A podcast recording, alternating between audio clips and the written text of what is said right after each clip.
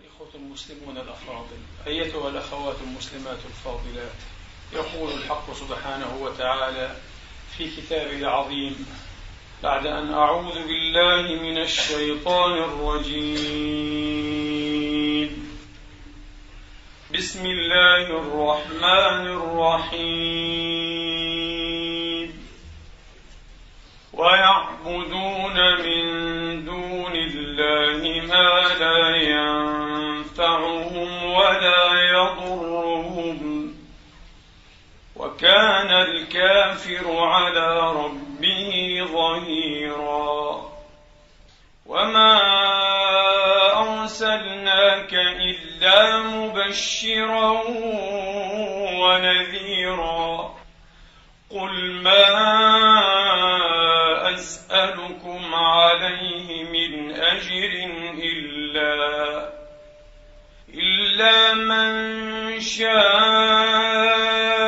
أن يتخذ إلى ربه سبيلا وتوكل على الحي الذي لا يموت وسبح بحمده وكفى به بذنوب عباده خبيرا الذي خلق السماوات والأرض وما بينهما في ستة أيام.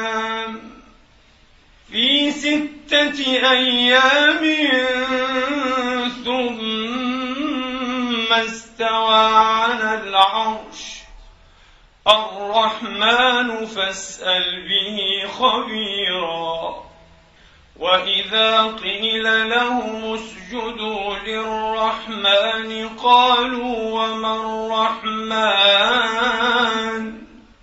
انسجد لما تامرنا وزادهم نفورا تبارك الذي جعل في السماء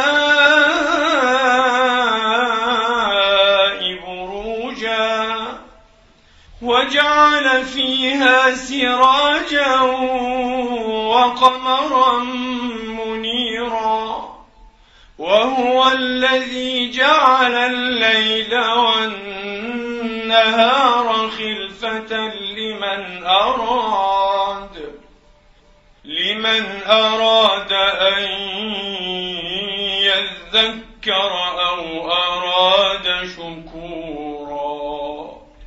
صدق الله العظيم وبلغ رسوله الكريم ونحن على ذلك من الشاهدين. اللهم اجعلنا من شهداء الحق القائمين بالقسط. آمين اللهم آمين. وهو الذي جعل الليل والنهار خلفة لمن أراد أن يذكر أو أراد شكورا وقد ورد في الأثر أنه ما من يوم أيها الإخوة والأخوات ينشق فجر إلا وينادي. يا ابن آدم وفي رواية ملك أو ملكان. يا ابن آدم أنا خلق جديد وعلى عملك شهيد. فاغتنم مني خيرا فإني لا أعود إلى يوم القيامة. وفي الحري هو لا يعود أبدا. هو لا يعود أبدا. أيها الإخوة والأخوات لو طرحنا على أنفسنا سؤالا وفي المعتاد تتفاوت جوابات الأسئلة المختلفة.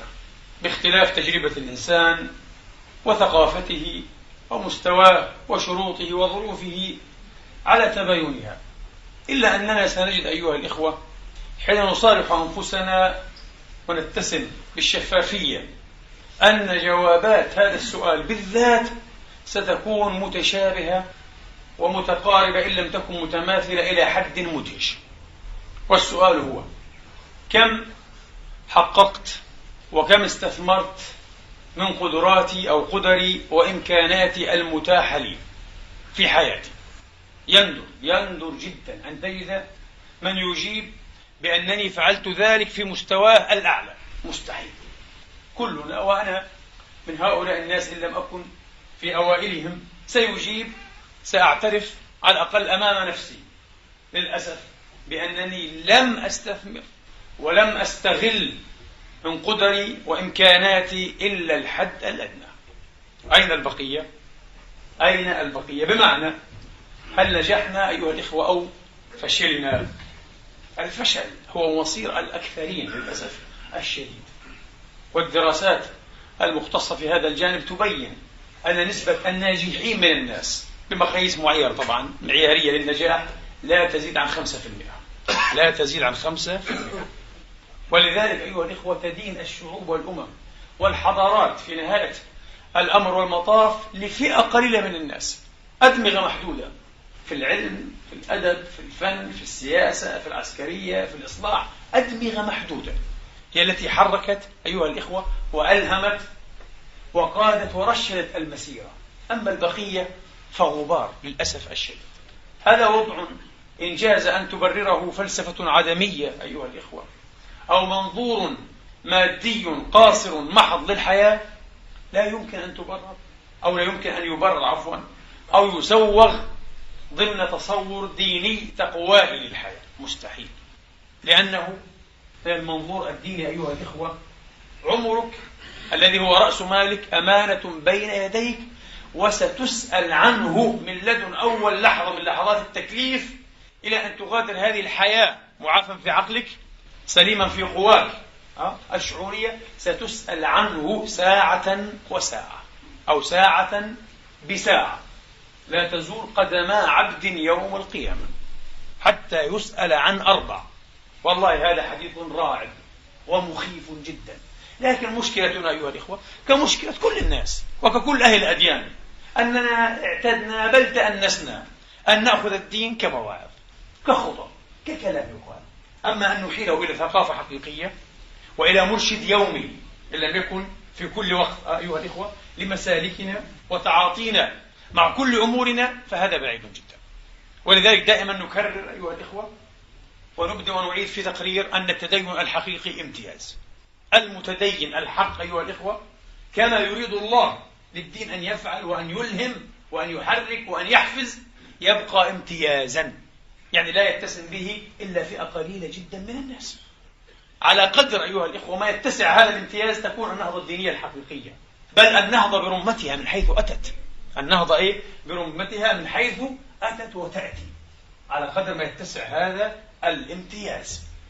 طبعا لا نستطيع أيها الإخوة في خطبة ولا في محاضرة مطولة أن نتحدث عن تحليل بعد تعريف الفشل والنجاح وعن الآليات والأساليب والطرق أيها الإخوة وعن المستوى الاجتماعي بذينكم الأمرين والمستوى السيكولوجي. موضوع طويل الدراسات بالآلاف في هذه الموضوعات بالذات. لكن نحب أن نلامس وأن نقارب بعض أيها الإخوة ما يهمنا على الأقل في حياتنا اليومية وما يهم المطحونين أو اليائسين الذين ركنوا أو استسلموا للقنوط واليأس وأدركوا مع أنهم لا يزالون شبابا أحيانا وأحيانا كهولا. حتى وإن كانوا شيوخا أيها الإخوة فالشيخ أيضا أمامه فرصة وفرصة أمامه فرصة وفرصة. ولسنا ممن يتعاطف مع نظريات أيها الإخوة ونماذج الفوات. هكذا نسميها نماذج ونظريات الفوات. أنه لم يبقى شيء نستطيع أن نفعله. أه؟ يعني كما يقال فاتنا القطار انتهى كل شيء. هذا منطق الأمة العاجزة ومنطق الفرد الفاشل. لكن منطق الفرد المؤمن لن أقول الناجح والمنجز المؤمن يضاد هذا المنطق تماما. منطق الفرد المؤمن يضاد هذا المنطق تماما. وسنبدأ أيها الإخوة بنقطة حرجة جدا. هل نفشل لأننا لا نستطيع؟ كلا. كل الدراسات تقول أيها الإخوة السبب الرئيسي للفشل ليس تفاوت الإمكانات والقدر العجيب أن أكثر الناجحين عمليا أعتقد ذكرت هذا مرة في خطبة يعني قديمة نسبيا أكثر الناجحين عمليا هم ممن كانوا متوسطي القدر والإمكانات في المرحلة الجامعية. وعند التخرج متوسطين كانوا. هؤلاء ينجحون. أما المتفوقون فأكثرهم يفشلون في الحياة العملية. عجيب. ويعيشون وينسحبون كفاشلين. طبعا يعيشون على العزاء والسلوان. كنت الأول في المرحلة الابتدائية. صحيح كنت. وكذلك في الإعدادية والثانوية حتى الجامعية يا أخي. لكن ما في حظ. منطق حظ ولا حظ وهو منطق الفاشلين. الذين يعني يحسنون فلسفة فشلهم وقعودهم وعجزهم وتقنيع خيبتهم. طبعا الإنسان فيلسوف كبير أيها الإخوة في التبرير. كل واحد فينا مهما كان مستواه متواضعا أيها الإخوة فكريا إلا أنه فيلسوف متميز. إذا اقتضى الأمر ماذا؟ التعلات والتكئات والتبرير والأسباب. متميزون جدا. بالعكس المجرم أحيانا أه؟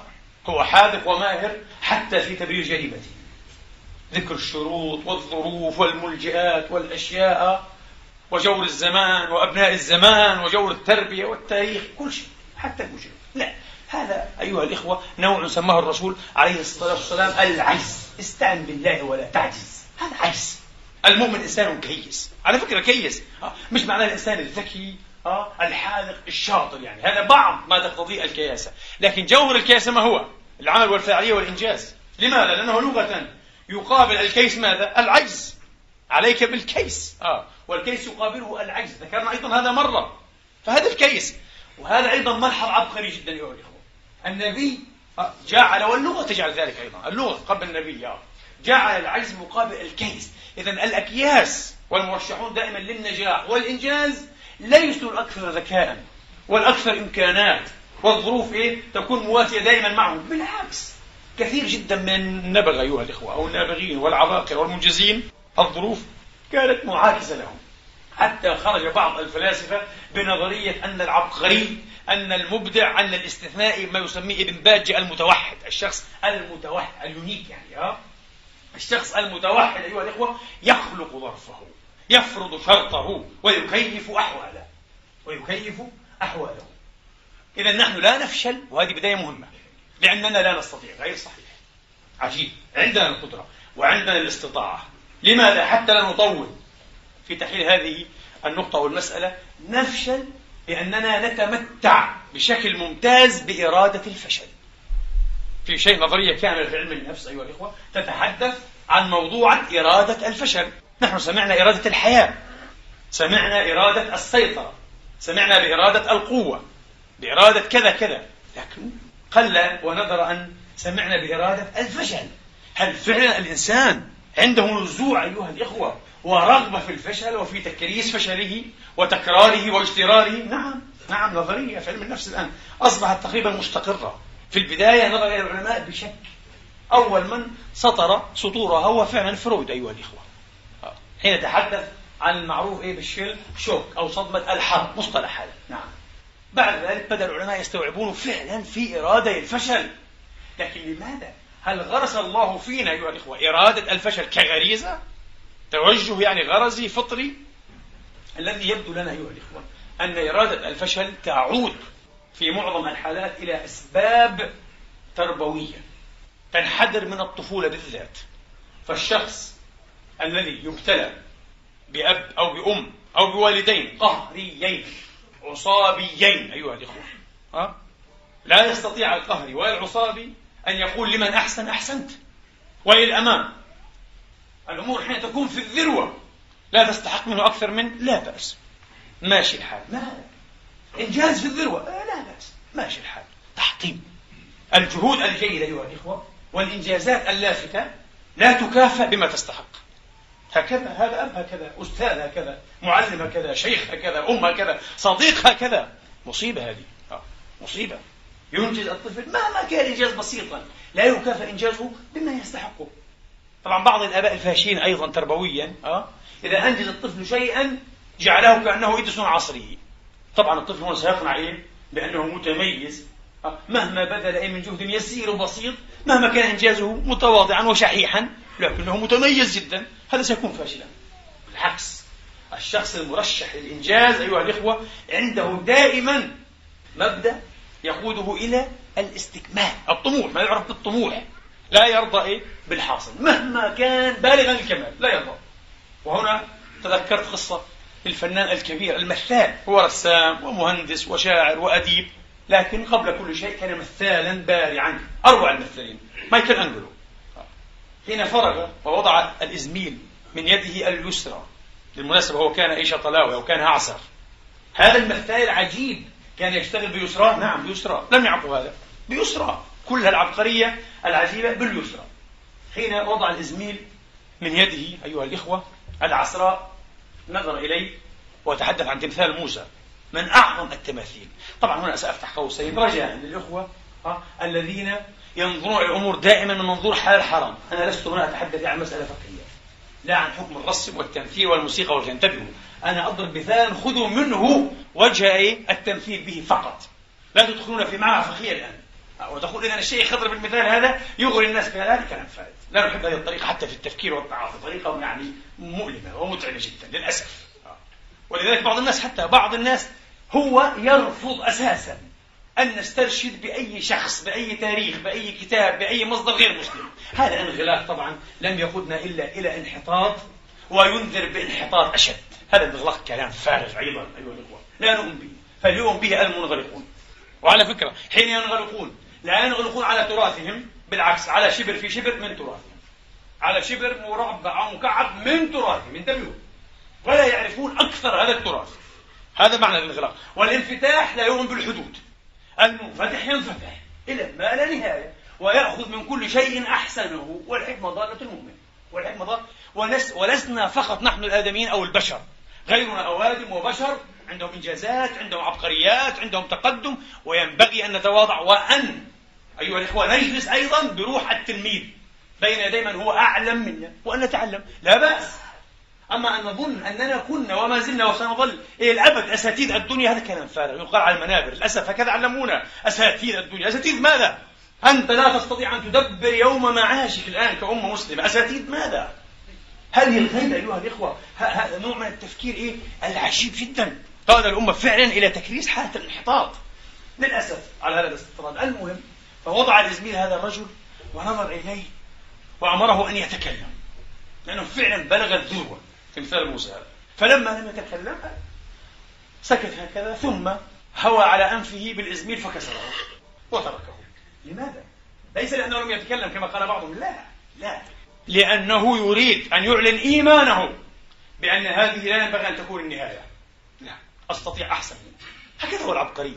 لا يخلف. هكذا هو المنجز. لا يخلف لا يقنع بشيء. مأساة المثقف العربي الآن أو المتعلم. هو ليس مثقفا حقيقيا. ها أيوة. وإنما المتعلم العربي أنه يقنع بشهادة حتى. يا أخي الشهادة انتهى كل شيء. أنا استمعت إلى عالم جليل لن أذكر اسمه طبعا. شخصية إسلامية شهيرة جدا جدا في العالم العربي. والناس يعتقدون أنه عبقري العباقرة. ومنذ صغري أنا أشعر أن هناك محدودية في تفكيري وفي معلوماتي الرجل.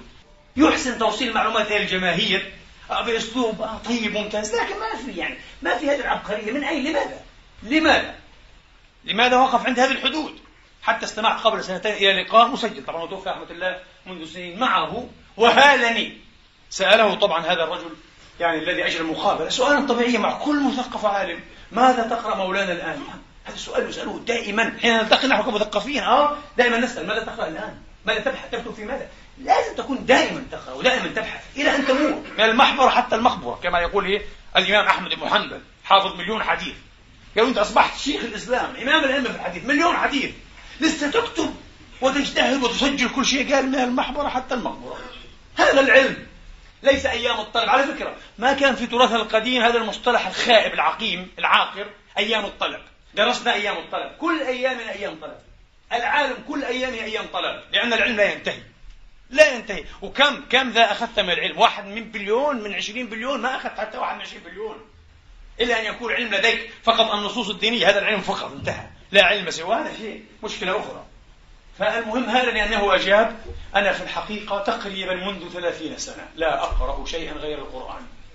أعتقد أن من استمع لهذا الشيخ الجليل استمع لهذا اللقاء. مسجل موجود. بالفيديو. قلت هذا هو السر إذا استرحت أنا. لأنه مش ممكن رجل ذكي رجل ذكي ولماح ويقظ فعلا إنسان ذكي. لكن لماذا هو محدود؟ محدود. وأنت تتكلم في كتاب الله. محدود. كتاب الله عميق أيها الإخوة إلى ما لا نهاية. يمكن أن تستنفذ الأعمار في تفسير آية واحدة. كل عصر لابد أن يعيد النظر في تفسير آية واحدة. لا تنتهي عجائبه. طب إيه المحدودية؟ هذه البساطة والتسطيح حتى في الأفكار. والناس يظن أنه شيخ المشايخ. لأنه الرجل من ثلاثين سنة لا يقرأ شيئا.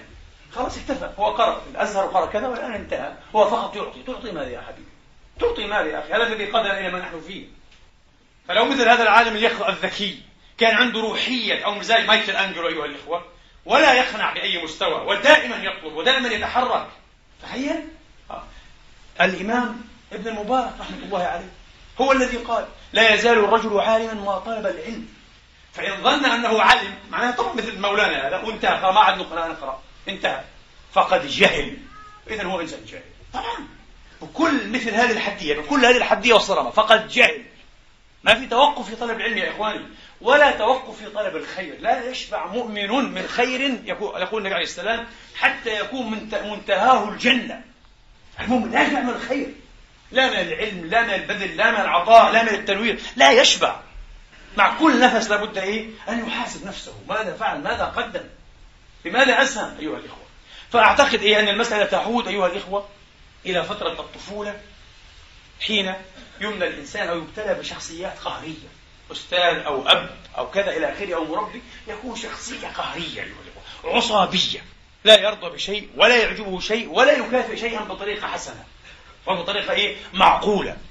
أعتقد اديسون مثلا لو أن أمه اقتنعت بأن أستاذه هذا البيداغوج الكبير المتخصص في التربية والتعليم كان أذكى منها. تصور؟ لما جلسنا اليوم في مثل هذا النور. هذا الرجل أضاء العالم حقا. إديسون أضاء العالم. العالم قبل توماس سومائيل ألف إديسون أيها الإخوة آلاف السنين يضيء يضيء ظلمته وحلكته بنفس الطريقة. من آلاف السنين. جاء هذا الرجل قال لا لابد أن نستغل هذه الطاقة العجيبة الكهرباء ها وأن نضيء عالمنا بطريقة جديدة. البعض يقول آه نعرفها ونحن صغار المصباح الكهربائي. لكن لا نعرف كم تجربة أجرى هذا الرجل حتى نجحت؟ التجربة الأخيرة. تعلمون كم؟ عشرة آلاف. عشرة آلاف تجربة. ينبغي أن نخجل من أنفسنا.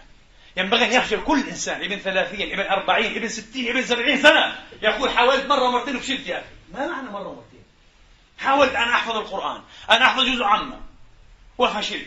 كم حاولت؟ كم حاولت؟ لماذا نحن ضعاف إلى هذه الدرجة؟ لماذا نحن خابون؟ فينا خبو وذوي وضعف وموت لأن الأمة ميتة بشكل عام. ما في روح ما في روح حقيقة أننا حملت مشاعر الحضارة أيها الإخوة. في رسالة لابد أن تؤدى في دين لابد أن ترفع رأيته ويرفع رأسه. ما فهمنا هذا الشغل كلام فارغ. نريد معارك وهمية أنا أسميها معارك وهمية ومعارك قميئة نشر صور الرسول نبدأ نصرف في كل مكان. ونستنزل اللعنات وندعو المقاطعة. ونشعر بأننا انتصرنا. كلام فارغ. ليست هذه معاركنا. هم على فكرة يلعبون بنا. بدهم إيانا تكون هذه معاركنا والله مهزلة أقسم بالله العظيم. والله مهزلة يا إخواني يا ليت العالم الإسلامي كله يسمع أنه في مهزلة. ليست هذه معركتنا أنا قلت مرة إيران اليوم أنا أقطع بهذا. في حس الغرب وفي حس أمريكا أكثر جدارة وأكثر احتراما من مجموع العالم هي العربي كله حقيقة. لأنها عرفت كيف تثبت نفسها. إيران مش مشتغلة بهذه الأشياء. مشتغلة هي أيها الإخوة في تحديث نفسها وفي اكتساب قوة وسلاح ولغة العصر. هذا هو. لست أقل منكم لأنني مسلم ومولى وشيخ. لا لست أقل. ولذلك لها هيبتها وتعامل باحترام. لو كانت في قوتها أيها الإخوة مثل باقي الدول لداسوها إيه بالحذاء. مباشرة وبسهولة. لا اجتاحوها لا أدموها لا غيروا نظام الملالي فيها. بسهولة. هذا هذه لغة العصر. ليست المعارك الوهمية القميئة الصغيرة هذه. يلعبون بنا أيها الإخوة. يلعبون بأمة كاملة والله. ليست هذه معركتنا فعشرة آلاف تجربة لم ييأس. طبعا عاد الولد إلى أمه يقول لي طردت يقول لها طردت من المدرسة. فذهب الأستاذ قال خذي ابنك لا مكان له عندنا هنا. فاشل لن يتحصل على شيء ولن يخرج منه شيء. قالت له والله قالت له. أه؟ أنت الفاشل أنت أفشل الفاشلين. وسوف ترى ابني هذا. هذه كانت بيداغوجية حقيقية معلمة مربية حقيقية مش هذا الفاشل وعشرة آلاف تجربة. طبعا الصحافة تتسامع حين بلغ أيها الإخوة خمسة آلاف تجربة فاشلة جاءه صحفي. بدأت الصحافة تتندر به. عنده اختراعات كثيرة قبل المصباح الكهربائي الرجل 1500 اختراع الرجل بشكل عام. معروف أنه عبقري ولكن يعني هذه المسألة خلاص يعني أعلن اليأس. فجاءه صحفي قال له خمسة آلاف تجربة فاشلة. ألا تكفي أن تعدل عن هذه المحاولة؟ تريد أن تضيء العالم بطريقة جديدة انتهى لن, لن تفلح. أليس هذا فشلا يا سيد إدسون قال كلا بالعكس. أين الفشل؟ لا يرى فشل الرجل. رجل مؤمن بالنجاح. ليس عنده إرادة الفشل عنده إرادة النجاح. لا ينظر إلى الجانب السلبي ولا ينظر بسلبية إلى الجانب. انتبه هناك جوانب سلبية حقا في الحياة. ولكن الأدهى من هذا أن هناك جوانب إيجابية. إن نظرت إليها بسلبية صارت سلبية. فهو لا ينظر إلى السلبي ولا ينظر بسلبية. لا هذا ولا هذا. هو طبيعة مختلفة. على فكرة بعض علماء النفس والذي أوحى إليهم بهذا التعريف هو رالف وولد إمرسون يعرفون إلى اليوم بعض علماء النفس يعرفون الصحة النفسية. من هو الصحيح نفسيا؟ يقولون الصحة النفسية هي الاقتدار على أن تنظر إلى الإيجاب في كل شيء. معنى تصحيح نفسيا. فالذي تجدونه لا يعجبه الزمان ولا المكان. ولا الظروف ولا البشر ولا الأحوال وكل الناس غلط وكل الأمور غلط والزمان غلط وكل شيء غلط في غلط وهو بس الصح أو حتى هو غلط هذا مريض نفسيا. انتبهوا. ليس مسألة أنه متشائم أو محبط مريض نفسيا. يروح يتعالج عند طبيب نفسي. يفتخر على الصحة النفسية. الحياة فيها مباهج فيها إيجابيات فيها ما يبعث على الأمل أيها الإخوة. إن نظرنا إليها بصدق وبصحة. فهذه الصحة النفسية عند بعض العلماء. إذا إديسون بهذا المعيار كان صحيحا نفسيا بشكل بيرفكت تام يعني. فعلا. قال أين الفشل؟ هو لا لا يرى الفشل. كلنا نرى الفشل. خمسة ألاف تجربة يا رجل. قال أين الفشل؟ الآن صار لدي قناعة بعدم جدوى خمسة آلاف تجربة. خمسة آلاف تجربة لا يجوز هي أن تجرب لخلق المصباح الكهربائي. قال هذا جزء من النجاح هذا. حنستبعدها. حنشوف غيرها فعلا والتجربة عشرة آلاف واحد نجحت. ونحن الآن نجلس في ظل نعمة أديسون. الذي يكتفي بعض الناس يقول إيه، فكان ماذا؟ كافر ابن كافر في جهنم وبئس المصير حضر جهنم. لست أنت الذي تدخل الناس النار أو الجنة انتبه. والكافر قرآنيا هو من عرف الحق وكفر به. من عرض عليه الحق وكفر عرضته عليه أنت يا أخي؟ في ضوء ماذا؟ عرضته عليه بإيميل أنت اخترعته بإنترنت أنت ابتدعته على ضوء مصباح كهرباء يقرأ حقك. أنت صنعته كفانا هزلا كفى هذه الأمة هزلا ينبغي أن تكون جادة هذه الأمة. أيها الإخوة. لكن كما الأفراد أيها الإخوة هي الأمم. لا نحب أن نصالح أنفسنا. نحب دائما وعلى ذكر الفشل. عفوا على ذكر الفشل. تقول هذه النظرية إرادة الفشل. تقول البشر عموما إلى سن الخمسين. تقريبا يعني في المتوسط يقولون إلى سن الخمسين بينهم اتفاقات مفعولة. مش مكتوبة هي. مش متفق عليها شفهيا هيك. لكن هي مفعولة. أنا فاهمك وأنت فهمني افتضحوا كما يقول الصوفية افتضحوا فاصطلحوا كيف؟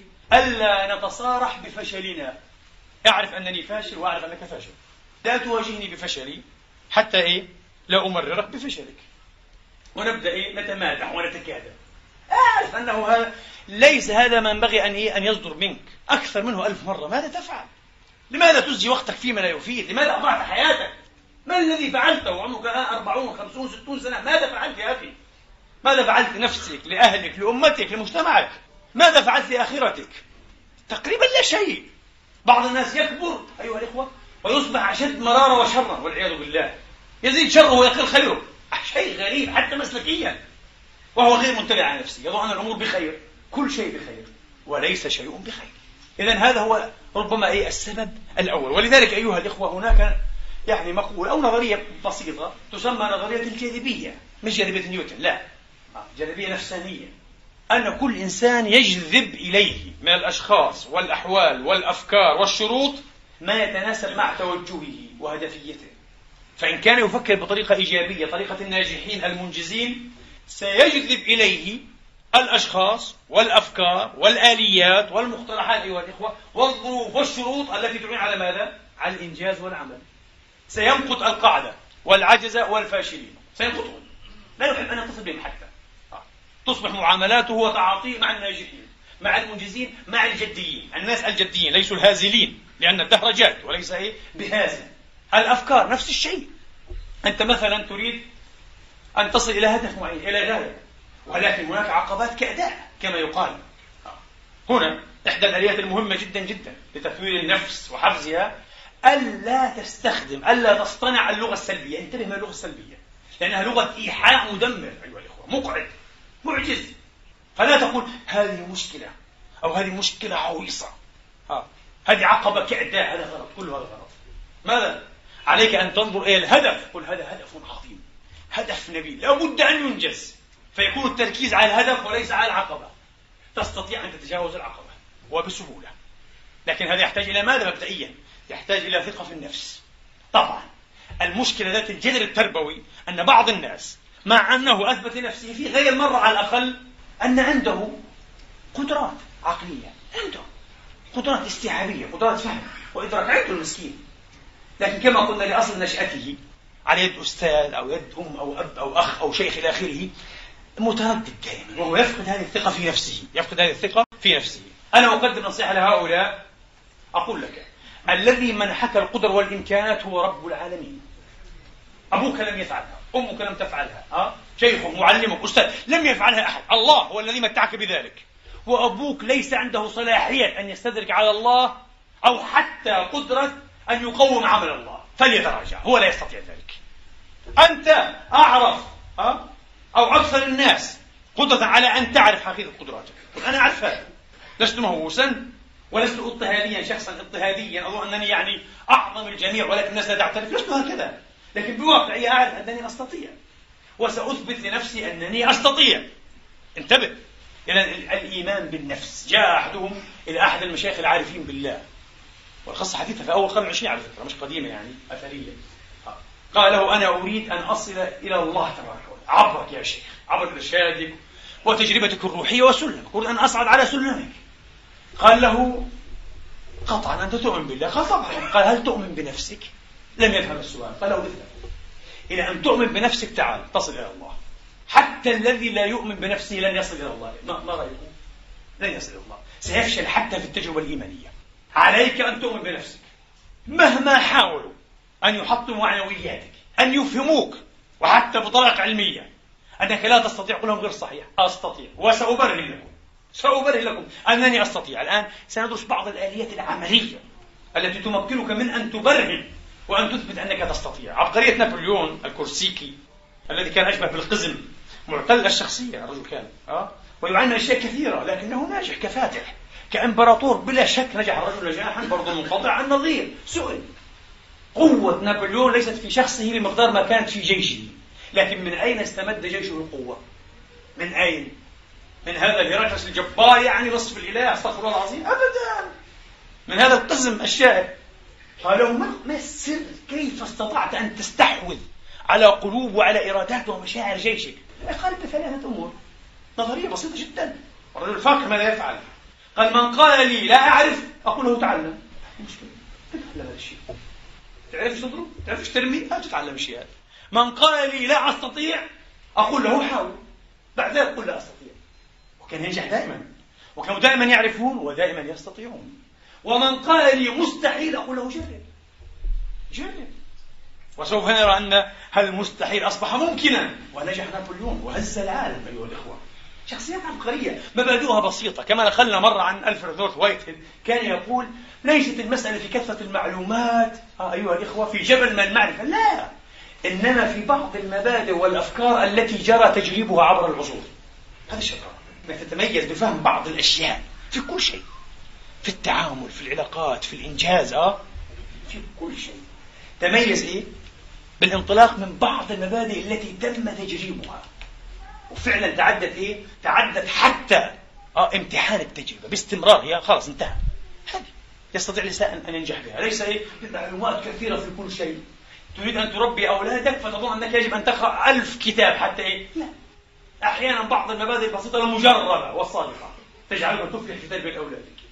تريد أن تنشئ علاقة زوجية مستقرة وسعيدة وممتدة مستدامة كما يقولون؟ نفس الشيء. مبادئ مجربة دقيقة ذكية. خذها ممن يعرفها.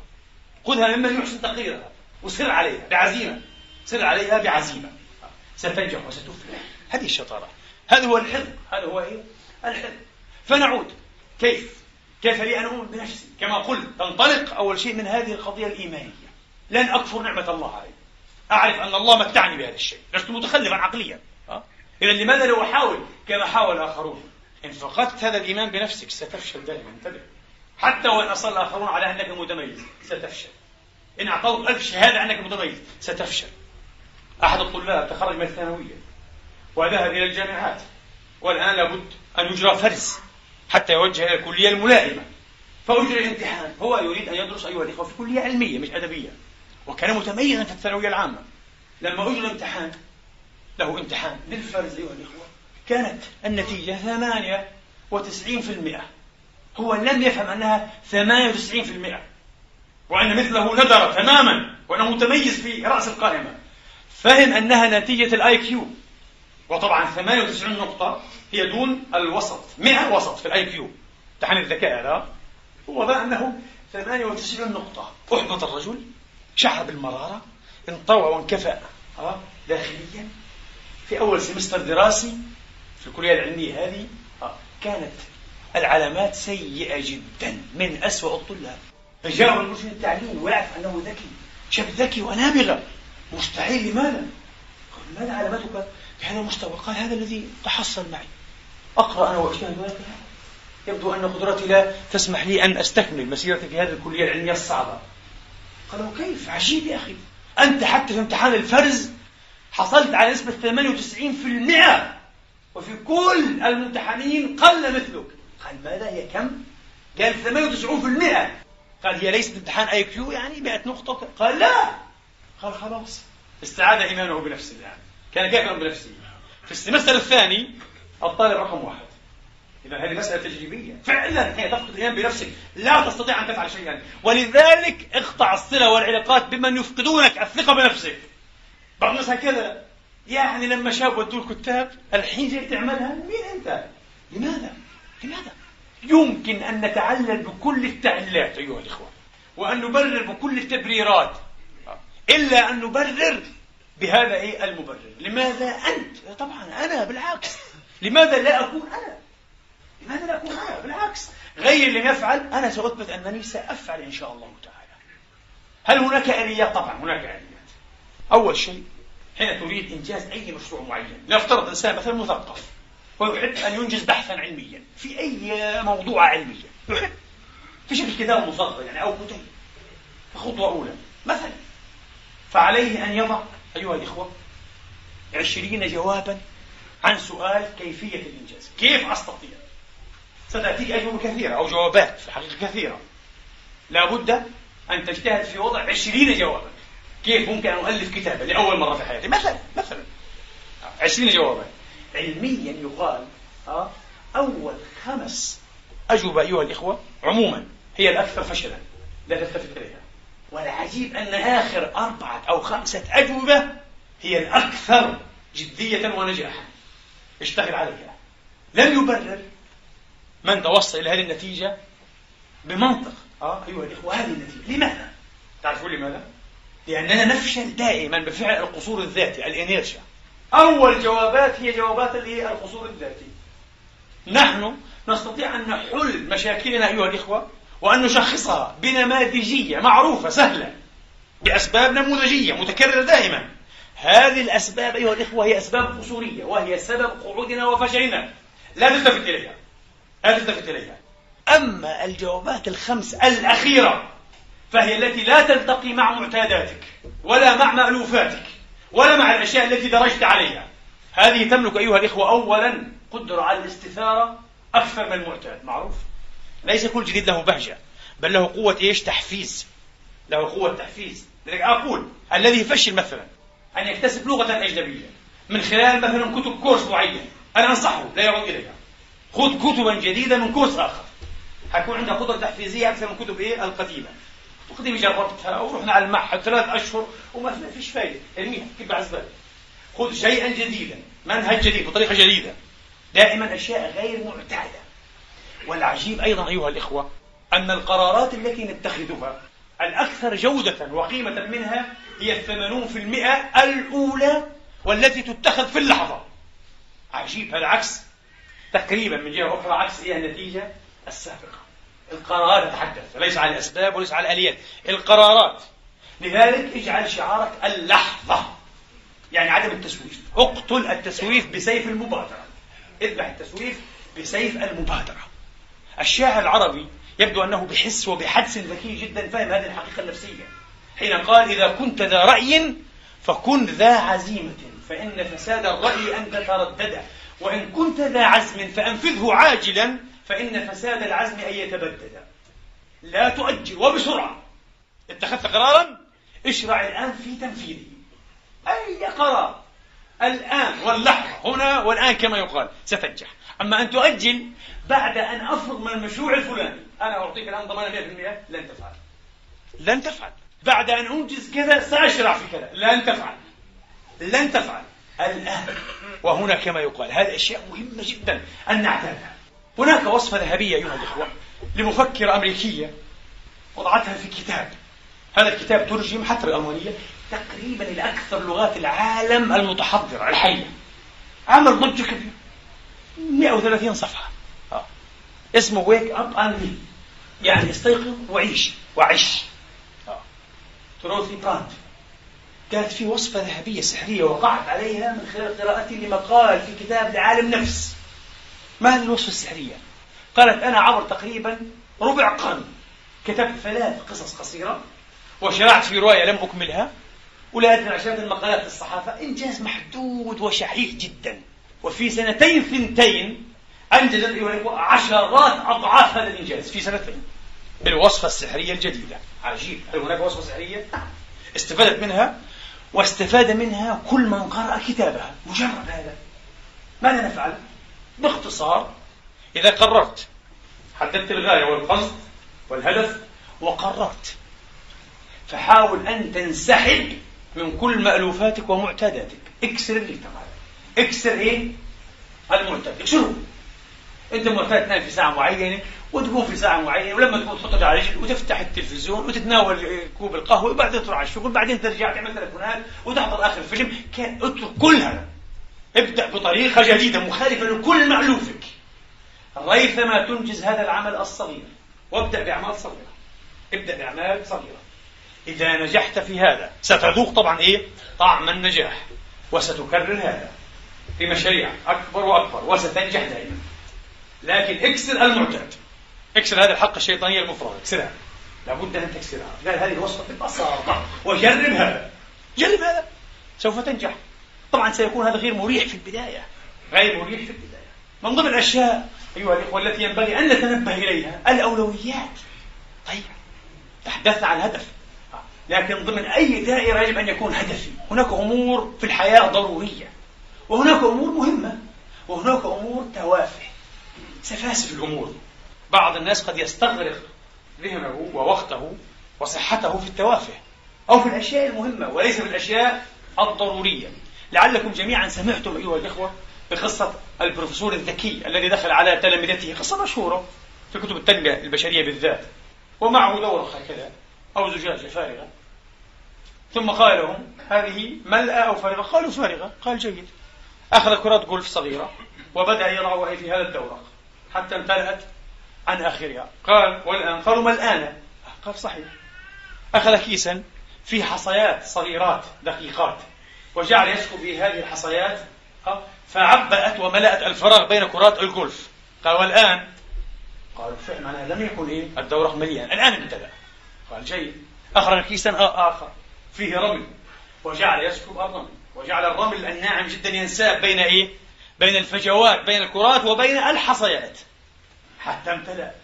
قالوا الآن قطعا امتلأ. فأخذ كوب القهوة ورشف منه رشفة أو رشفتين ثم سكب الكوب. فتغلغلت لي القهوة السائل أيها الإخوة المحبوب الذهبي هذا. في الرمل. فضحكوا. يعني يضحك عليهم كل مرة هو دائما يخرجهم إيه عبط يعني ها خيبين فضحكوا. قالوا ما معنى هذا؟ فانبرى الرجل يشرح لهم. قال هذا الدورق أيها الإخوة هو حياة كل واحد منا حياة كل واحد منا ظرف ظرف زمني. يمتد 40 50 60 هو ظرف فعلا مثل هذا الظرف. آه. ظرف أيها الإخوة يمكن أن يملأ بالأمور الضرورية مثل قيمنا وديننا عقائدنا أيها الإخوة المبدأ الذي نعيش من أجله.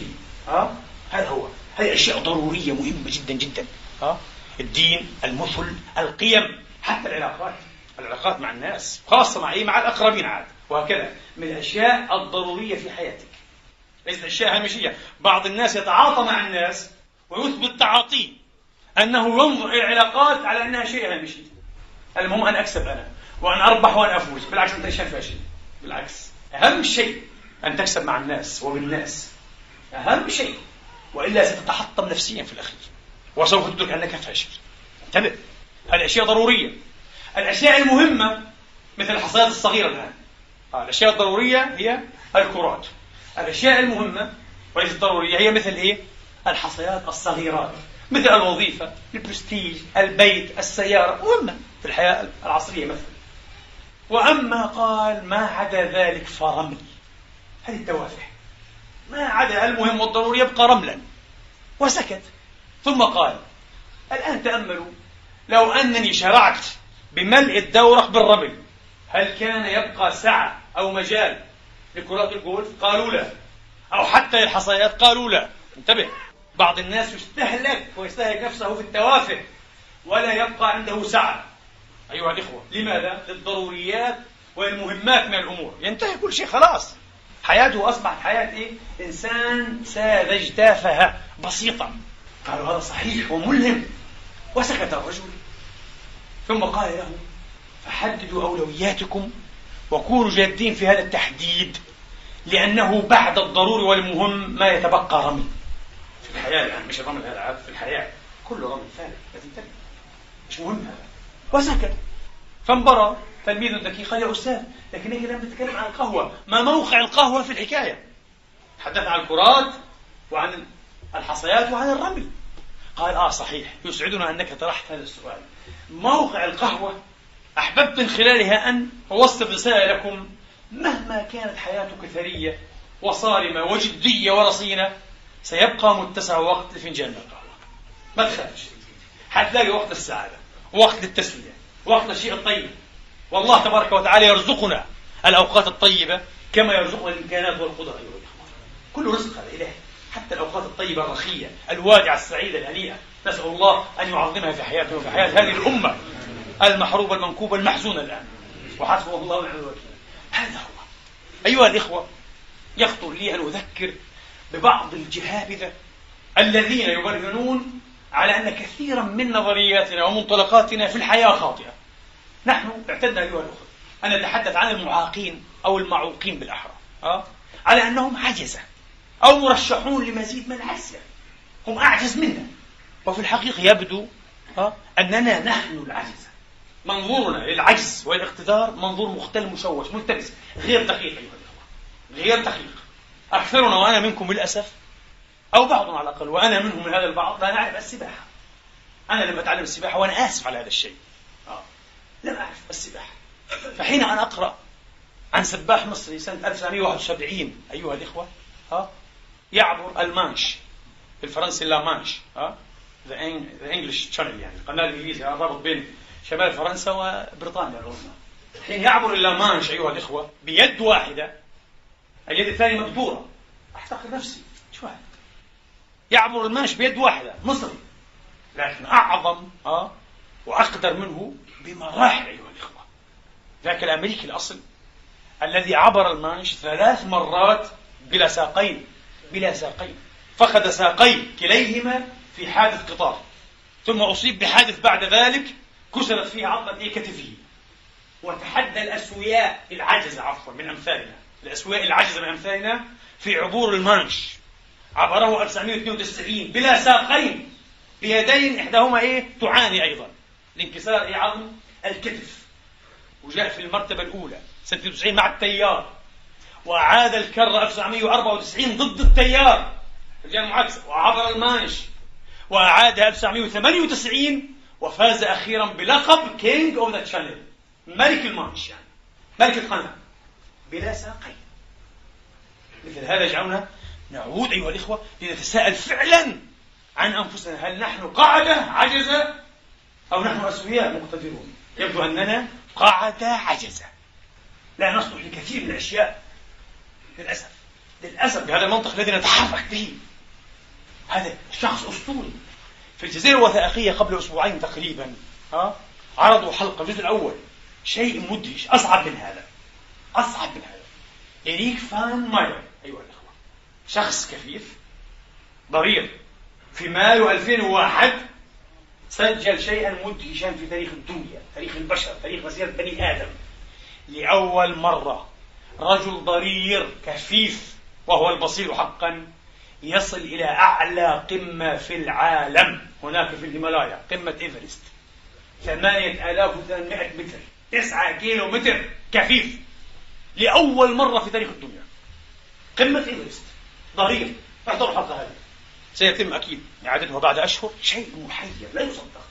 أنا جعلت أبكي كالطفل ويهتز بدني وأدرك عجزي. هل نحن فعلا بشر وهؤلاء بشر؟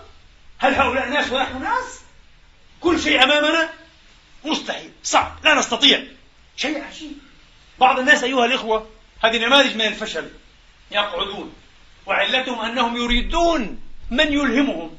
عندهم قدرة ولكن ليس عندهم مخططات وأفكار يا حبة علم هذه مشكلته. طيب فإذا أعطيته الأفكار والمخططات يقول جيد ممتاز قابل العمل ولكن نحتاج إلى من يقودنا. طيب. نحتاج إلى من يقودنا. فإذا جاء من يقودهم يحتاج إلى من يدفعهم لكي يصبح هذا القائد معوقا مثلهم لأنه لا يمكن أن تدفع قاطرة أيها الإخوة من عشرين فرقون فقدت محركها. هذا الإنسان فقد محركه الداخلي. هذا فاشل. وعلى فكرة العمل مع هؤلاء تفشيل. ستفشل أنت أيضا. سيكون عليك أن تقترح وأن تلهم وأن تقود وأن تدفع. وبالتالي ستفشل أنت معهم أيضا. هذا هذا فشل. الذين أيها الإخوة يشتغلون بأعمال صغيرة. المفروض أنها لا تستدعي من قدرهم 10% أو 5% فاشلون طبعا مثل فيل يحمل طن واثنين طن بتحط عليه اي طفل صغير قال بوصله على المدرسة ويروح ويجي. هكذا نحن هذا الفيل. هذا مثال مشهور في ديانه في ديانة الزن. يتحدثون عن عجز الإنسان. قالوا الإنسان مثل فيل عظيم يحمل آلاف الكيلات لكن يستخدم لايصاله ربما إيه؟ وجبة غداء إلى صاحبه الحقل رايح جاي الفيل. هذا هيك قدرات إلهية. الله أعطانا قدرات نستطيع أن نلامس بها عرش الرحمن الملأ الأعلى أيها الإخوة. ماذا نفعل؟ نحبو كالدود ها؟ نسعى كالدود آه على الأرض. لا شيء لا شيء. نحن كلنا هذا الفيل الزني. كلنا ذاكم الفيل الزني. نعم. لا. طبعا 5% ماذا يفعل بالباقي؟ ماذا يفعل؟ في التركيز على التفاصيل المملة التي لا تفيد. فاشل إنسان فاشل. الشيخ الكبير قال لك في البنزون لأنه الذي يجلس يتأمل ويفكر فقط ولا يستشعر مسؤوليته. إزاء قضايا السياسة والاجتماع والثقافة والتنوير والإرشاد. آه أيها الإخوة والتعليم والتدين والتمسيك. حبل الله للناس للآخرين مثله تماما مثل الشاب الذي ينتحر في الخمارات وفي الدسكوات وأمام الألعاب الإلكترونية والكمبيوتر والكلمات المتقاطعة. هذا فاشل وهذا فاشل. انتبه حتى هذا فاشل. الذي يجلس يقرأ ليل نهار يقرأ لنفسه. لا يؤلف لا يكتب لا يعلم لا يناقش لا يدافع. لا يتبنى قضية. يقرأ ويشعر بالاشباع فاشل. فاشل مثل الذي ينتحر بالمخدرات. هذا ينتحر بالقراءة. هذا فاشل وهذا فاشل. الفشل له صور كثيرة جدا جدا. الذي يجلس أيها الإخوة همز لمز بعد أن جمع مالا وعدده. أه؟ فقط مشتغل بتقييم الناس وتحليل الناس وتتبع عورات وفضائح وأسرار الناس. إنسان فاشل أيضا هذا. لا يصلح الحياة. لا يثري موكب الحياة. إنسان فاشل.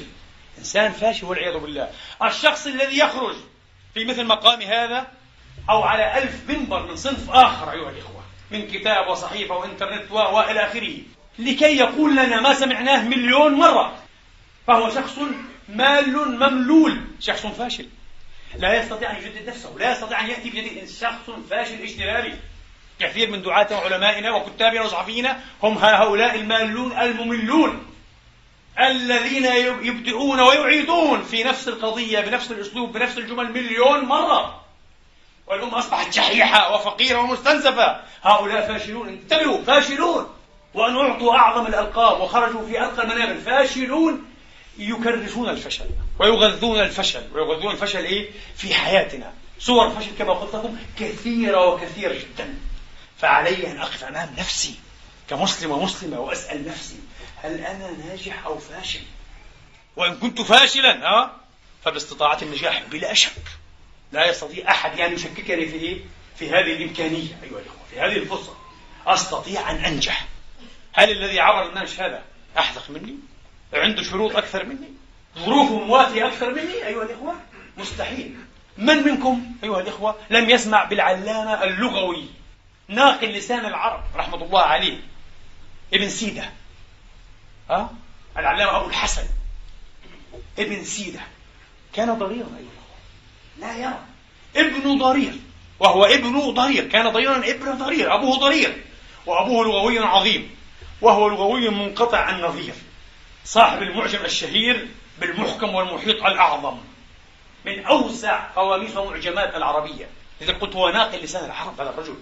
وله معجم آخر أنا كلما تفكرت فيه أنا أراجعه باستمرار. أندهش. لا أستطيع أن أتخيل. حتى بالكمبيوتر صعب أن إيه؟ تصطنع بسهولة. معجما مثل هذا. المخصص معجم المخصص في ثمان مجلدات كبار عشرات الأجزاء. هذا المعجم أيها الإخوة معجم يصنف التراث اللغوي الكلمات أيها الإخوة ها موضوعيا. فيتحدث لك مثلا ها عن المرأة.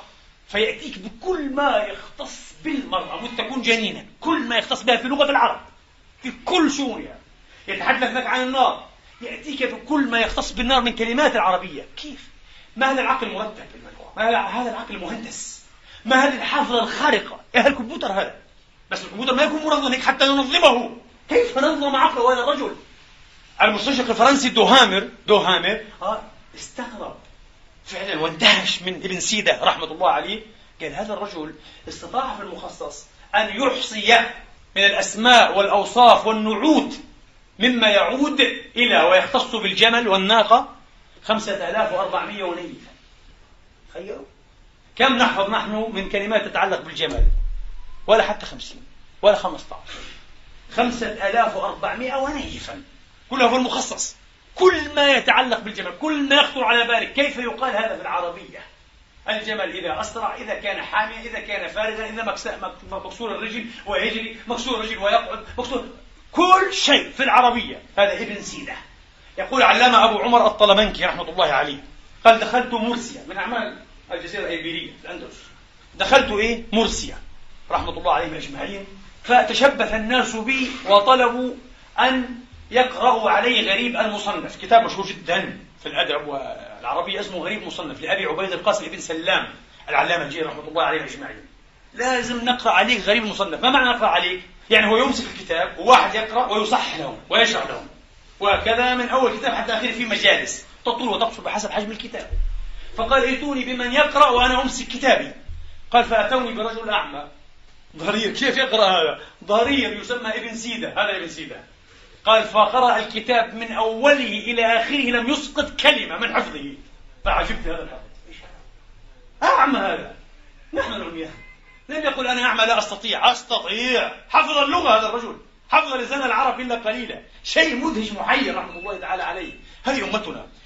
أبو عيسى الترمذي أحد أصحاب المجاميع الستة الشهيرة. الإمام أبو عيسى الترمذي بن ثورة صاحب سنن الترمذي أو جامع الترمذي. سمي الجامع الصحيح أيضا. أبو عيسى هذا ضرير يا إخواني يقول علماء الحديث وخرج البخاري رحمة الله رحمة واسعة من خراسان. وما خلف بخراسان أعلم ولا أحفظ ولا أورع ولا أزهد من أبي عيسى الترمذي. ضرير. ضرير الترمذي كان ضريرا. هذا الحافظ العلام الكبير البحر كان ضريرا. أيها الإخوة لم يستسلم. من منا أيها الإخوة أو من كل الأخوات من لم يقرأ أو لم يسمع أو يشاهد في التلفزيون؟ آه أيها الإخوة دكتور جيكل ومستر هايد. كل الدنيا تعرف دكتور جيكل ومستر هايد. كل الناس حتى الأطفال الصغار لأنه أدب عالمي بجدارة. أو مثلا جزيرة الكنز. أو المخطوف أقل قليلا منهما. هذا يذكرنا مباشرة بإيه؟ آه ستيفنزن آه روبرت لويس ستيفنزن الإسكتلندي الكبير الأديب العالمي الذي شرق وغرب لكنه مات عن 44 سنة. بماذا مات؟ بالدرن TB أو السل tuberculosis مات بالسل مات مصابا بالمرض السل أو الدرن كما يعرف الآن. بطلوا يسموه السل الحين يسموه الدرن ها؟ tuberculosis هذا الرجل أيها الإخوة أصيب بهذا المرض المعدي الفاشي وهو صغير وبرح به المرض ومن أجل المرض والاستشفاء والاستصحاح سافر إلى بلاد كثيرة في العالم أفريقية وأسيوية وظل يناضل وكتب بعض رواياته البسيطة. أعظم أعماله كتبها أيها الإخوة في المراحل المتقدمة من المرض. كيف؟ طبعا هذا التوبركلوز قد يصيب الرئتين في معظم الأحوال لكن يصيب أطراف أخرى أيضا. يصيب العينين اليدين يصيب أي شيء. فأصاب يده اليمنى المسكين. فوهنت لم يستطع أن يمسك القلم وأن يكتب. بقي فيها قوة لكن لا يستطيع أن يكتب. فبدأ يعتاد ويتمرس بالكتابة باليسرى وظل يكتب أعماله الروائية والشعرية هو شاعر أيضا ها والشعرية باليسرى. فضرب أي الدرن يسرى فصار يملي بلسانه فلاحق المرض لسانه فأخرسه معروف ستفنسن اقرأوا عنه في أي موسوعة. ما عاد يتكلم المسكين. فاضطر أن يتعلم لغة الصم والبكم وصار يملي أعماله بطريقة الصم والبكم بما بقي من قوة في أنامله. ومات عن 44 سنة وقد نور الدنيا بأدبه وشعره وأسعد الكبار والصغار مقروم الكبار والصغار. لا يأس مع الحياة. الله لم يعطينا هذه الحياة. الأخ السوري الدمشقي تقريبا ها؟ شيء عجيب هذا الرجل. نفس الشيء أصيب بحادث وهو تقريبا إيه؟ في آخر مرحلة الثانوية. فشل جسمه كله إلا الرأس. الرأس يفكر ويتحرك.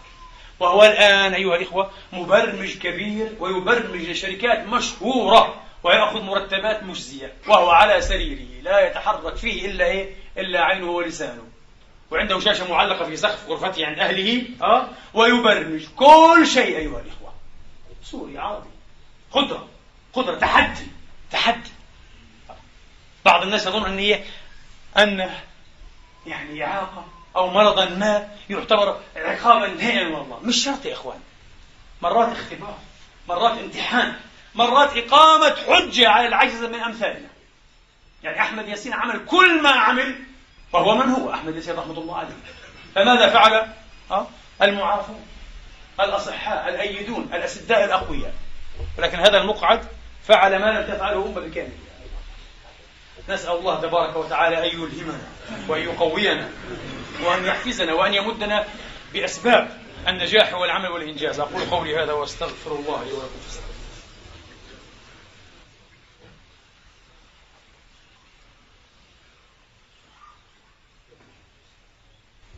الحمد لله رب العالمين. الحمد لله الذي يقبل التوبة عن عباده ويعفو عن السيئات ويعلم ما تفعلون. ويستجيب الذين آمنوا وعملوا الصالحات ويزيدهم من فضله والكافرون لهم عذاب شديد. وأشهد أن لا إله إلا الله وحده لا شريك له وأشهد أن سيدنا ونبينا محمدا عبد الله ورسوله صلى الله تعالى عليه وعلى آله وأصحابه وسلم تسليما كثيرا. وعلى ذكره صلى الله عليه وآله وأصحابه وسلم فقد صح عنه نعمتان مغبون فيهما كثير من الناس الصحة والفراغ الصحة والوقت. أكثر الناس أصحاب صفقات خاسرة أيها الإخوة. إذا تعلق الأمر بالصحة لا يستفاد لا من صحتهم ولا من أوقات النبي يقول هذا. النبي قال. نعمتان مغبون فيهما. كثير يقول النبي. يعرف النبي هذا. لذلك قلنا نحن الدراسات تقول الناجحون 5% كثير. أكثر. النبي يقول في البخاري أيضا يقول الناس كإبل مئة لا تجد فيهم راحلة. تريد راحلة يمكن أن تسافر عليها تعتمد عليها. كما يقال إيه تملأ منها يدك يعني. لا تجد. مئة. ماذا تفعلون وأنتم مئة. لا شيء. عجز وفشل الناس كإبل مئة لا تجد فيهم راحلة. يعني الراحلة تتكرر كل إيه 500 كل 1000 كل 2000 تلاقي واحد على العين للأسف فينبغي أن نكون نحن إيه؟ نحمل لواء المصطفى أيها الإخوة. واسم المصطفى ودين المصطفى أن نكون بهذا العجز وبهذا القعود وبهذا الخنوع وبهذا الكسل والتبلد أيها الإخوة العلمي والحضاري والتمديدي. لماذا؟ لماذا؟ هذا لا يقربنا لا من الله ولا إلى رسول الله صلى الله عليه وآله وأصحابه وسلم. أبدا الإخوة وليس لأحد أن يعتل كما قلنا لا بالظروف ولا بالإمكانات. أبدا. كل ما يلزمك لكي تعمل وتنجز إيمان بالله ثم إيمان بنفسك واستغلال لنعمة الله عليك. فقيرا كنت أو غنيا. ها أيها الإخوة تستطيع أن تنجز بإذن الله تبارك وتعالى.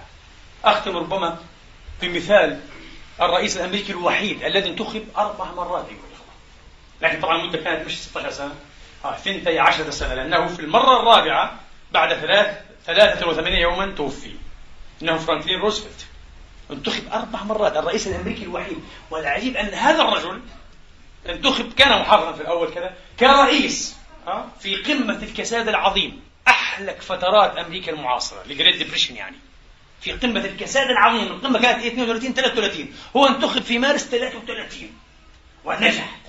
ومشى أي ببلده؟ إلى السلام أيها الإخوة. لكن لما انتخب كان مشلولا في كرسي مدودب رئيس أمريكا في كرسي مدودب أصابه شلل الأطفال وهو في الأربعين من عمره 1921 أصيب بشلل الأطفال. فظن الناس وكل من حوله أنه انتهى سياسيا انتهى عمله ونشاطه السياسي. لكن الرجل لم يستسلم. وعاد إيه في عنفوان وعرام العمل أشد من الأول. وانتخب رئيسا لبلده. وأعيد انتخابه ثانية وثالثة ورابعة. وكان الوحيد. الملهم في قصته أنه في أول خطاب للرئاسة أيها الإخوة ماذا قال للناس؟ انظروا. هذه المقتبسات ينبغي أن تقتبس ينبغي. يا ريت عندنا زعماء بيتكلموا بهذه اللغة بهذا الوعي بهذه الفلسفة بهذا المنظور للحياة والأمور. قال لا ينبغي علينا الخوف. وإن كنا سنخاف فالشيء الوحيد الذي ينبغي علينا أن نخاف منه هو الخوف. ما بنخاف من شيء ما بنخاف من شيء. لا من عجز لا من تهديد لا من عرض ابدا. إذا آمنا بالله ثم آمنا بأنفسنا ما في شيء يخوفنا. الشيء الوحيد ممكن يخوف ولا نخاف منه الخوف وهو صاحب إعلان الحريات الأربع هو روزفلت هذا إنسان كبير مفكر. قال لكل إنسان الحق في حرية التعبير وحرية العبادة والتحرر من الحاجة والتحرر من الخوف. العالم العربي يحتاج هذه الحريات يحتاج حرية الفرنجية نسأل الله تبارك وتعالى أن يمن علينا وأن يهدينا ويهدي بنا ويصلحنا ويصلح بنا. اللهم اجعلنا مفاتيح الخير مغاليق للشر اللهم اجعلنا من عبادك أولي الألباب الذين يستمعون القول فيتبعون أحسنه. برحمتك يا أرحم الراحمين. انصر الإسلام وأعز المسلمين وأعل بفضلك كلمتي الحق والدين واجعل تجمعنا هذا تجمعا مرحوما وتفرقنا من بعده تفرقا معصوما ولا تدع فينا شقيا ولا يائسا ولا محروما برحمتك يا أرحم الراحمين عباد الله إن الله يأمر بالعدل والإحسان وإيتاء ذي القربى وينهى عن الفحشاء والمنكر والبغي يعظكم لعلكم تذكرون اذكروا الله العظيم يذكركم واشكروه على نعمه يزدكم وسلوه من فضله يعطكم وقوموا إلى صلاتكم يرحمني ويرحمكم الله